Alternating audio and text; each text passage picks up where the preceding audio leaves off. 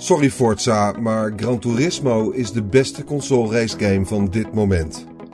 Autocoureur Jarno Opmeer brengt uitkomst in een titanenstrijd. Geschreven door Joe van Burik voor Laatscherm.nl. Ingesproken door Arjan Lindeboom. Na jarenlang virtueel snelheidsduiveltje spelen, pretendeer ik het nodige verstand van racegames te hebben. Maar nog steeds kan ik niet zo goed oordelen over rijgedrag, gripverschillen en curbstones als een echte coureur. Dus schakelde ik een van de grootste snelheidsduivels van Nederland in om een eeuwenoude strijd te beslechten. Het is zonder meer een van de bekendste vetes in de gamegeschiedenis. Gran Turismo versus Forza Motorsport. Eerstgenoemde vierde dit jaar zijn 20-jarig bestaan op de PlayStation. Zijn tegenhanger zag in 2005 het levenslicht op Microsoft's Xbox. Beide ontwikkelaars, respectievelijk Polyphony Digital en Turn 10 Studios, hebben vrijwel altijd ontkend met elkaar te wedijveren, maar de rest van de wereld weet wel beter. Dit is de grootste titanenstrijd op racegamegebied. Zelf groeide ik op met Gran Turismo, vooral op de PlayStation 2, toen Polyphony onder leiding van grootmeester Kazunori Yamauchi absoluut voorop liep op het gebied van zeer waarheidsgetrouwe beelden en besturing. Turn 10 lokte me met Forza naar de Xbox 360, vooral dankzij superieure online mogelijkheden. Avondenlang streed ik tegen vreemden die na jaren van virtuele competitie beste vrienden werden.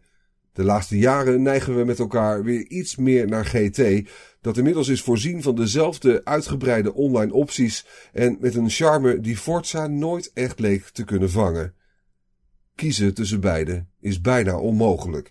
Bij elkaar hebben ze eraan bijgedragen dat ik inmiddels heel wat echte autosport van dichtbij heb mogen meemaken, zowel aanschouwend en analyserend als ook zelf achter het stuur. Toch mis ik nog altijd het inzicht om een racegame tot in de kleine detail te fileren op het gebied van realistisch rijgedrag. Uiteindelijk toch de kern van een semi-simulatieracer. Daarom riep ik de hulp in van een van de grootste racetalenten in Nederland, Jarno Opmeer, met zijn 17 jaar drievoudig Nederlands kampioen in karts, nu actief in de Formule Renault raceklasse, een van de voorportalen van de Formule 1, en lange tijd in opleiding bij het officiële F1-team van Renault. En dat terwijl hij al die tijd nog niet eens alleen achter het stuur van een auto de openbare weg op mag. Met zo'n cv ben je in ieder geval meer dan gekwalificeerd om de populairste racegames aan een grondige test te onderwerpen.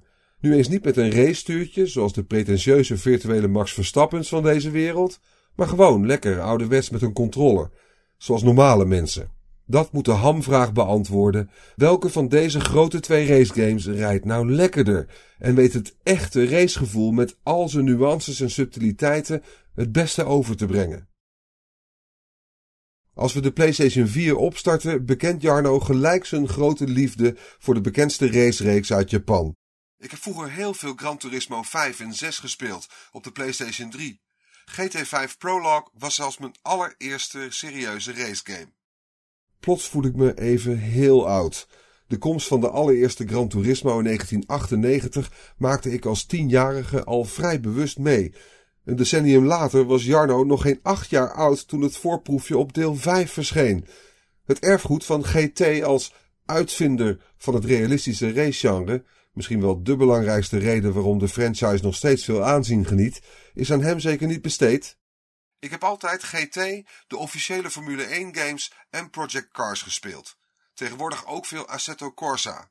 Al vind ik het belangrijk dat er meer te doen is dan alleen maar rondjes rijden. Daarom is Assetto Corsa voor een normaal mens niks aan. Dan toch liever Gran Turismo. We stellen vast dat dat in de meest recente editie toch net even anders is.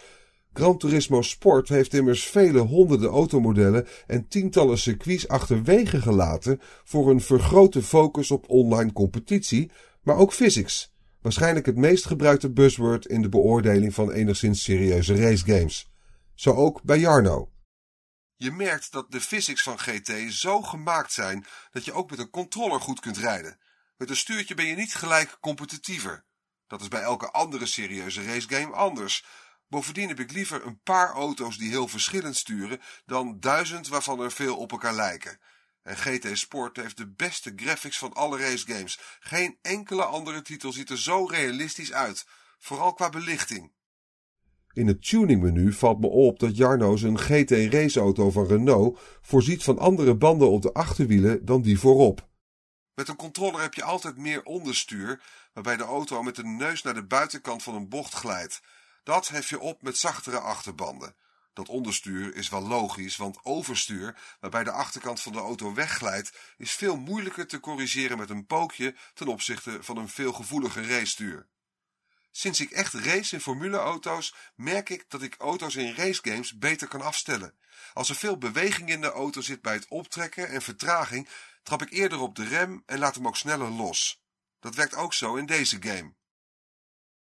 We verruilen de PlayStation 4 voor een Xbox One en schotelen Jarno Forza Motorsport 7 voor. Dat blijkt compleet nieuw voor de jonge coureur. Ik heb nooit eerder Forza gespeeld of überhaupt op een Xbox. Hoort die controle zo enorm te trillen?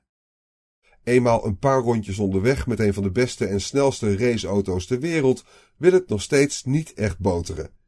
Het rijgedrag is heel vaag, heel erg onderstuurd. En als ik een beetje hard rem, blokkeren de wielen gelijk.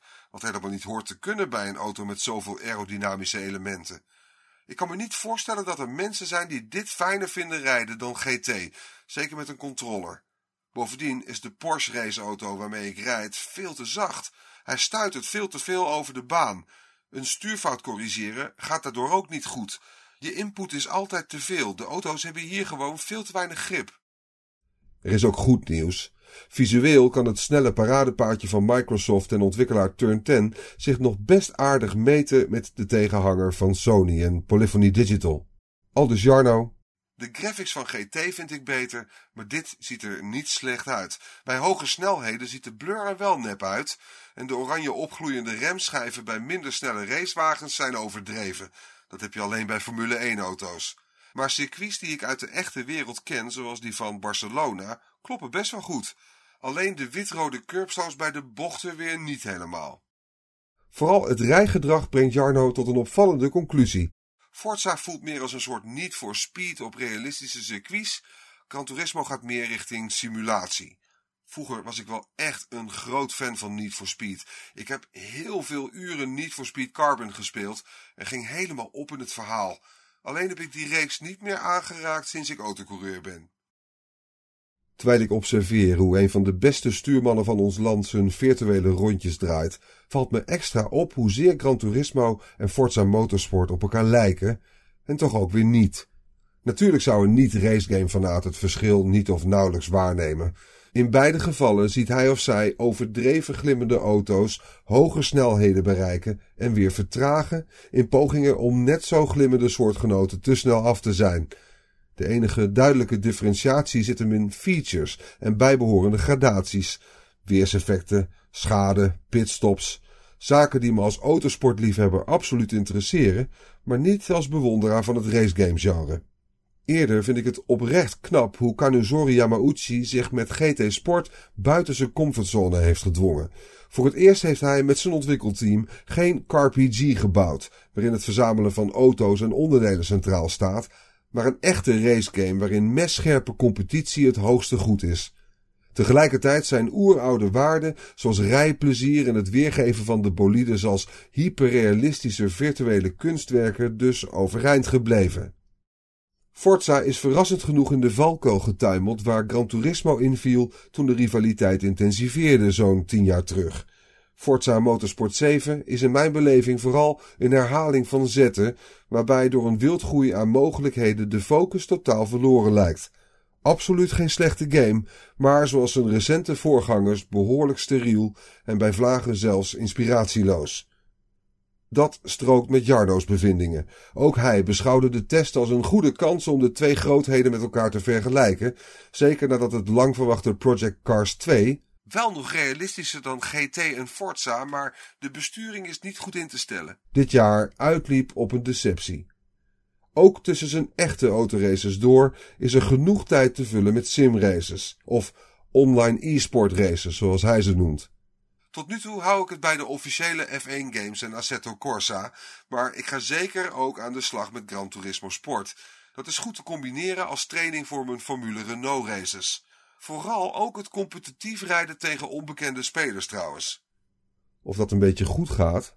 Nou, na 60 Formule 1 races online staat mijn gemiddelde finishpositie op 1,1 in een veld van 20.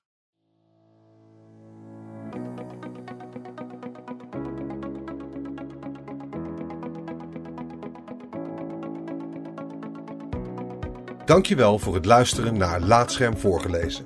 Als je waardeert wat we hier doen, dan zouden we het leuk vinden als je even een sterrenrating en een recensie achterlaat op Apple Podcasts of de podcastservice van jouw keuze. Abonneer je ook op onze andere podcast, Praatscherm. En ga voor deze en meer verhalen, geschreven of gesproken, naar laatscherm.nl.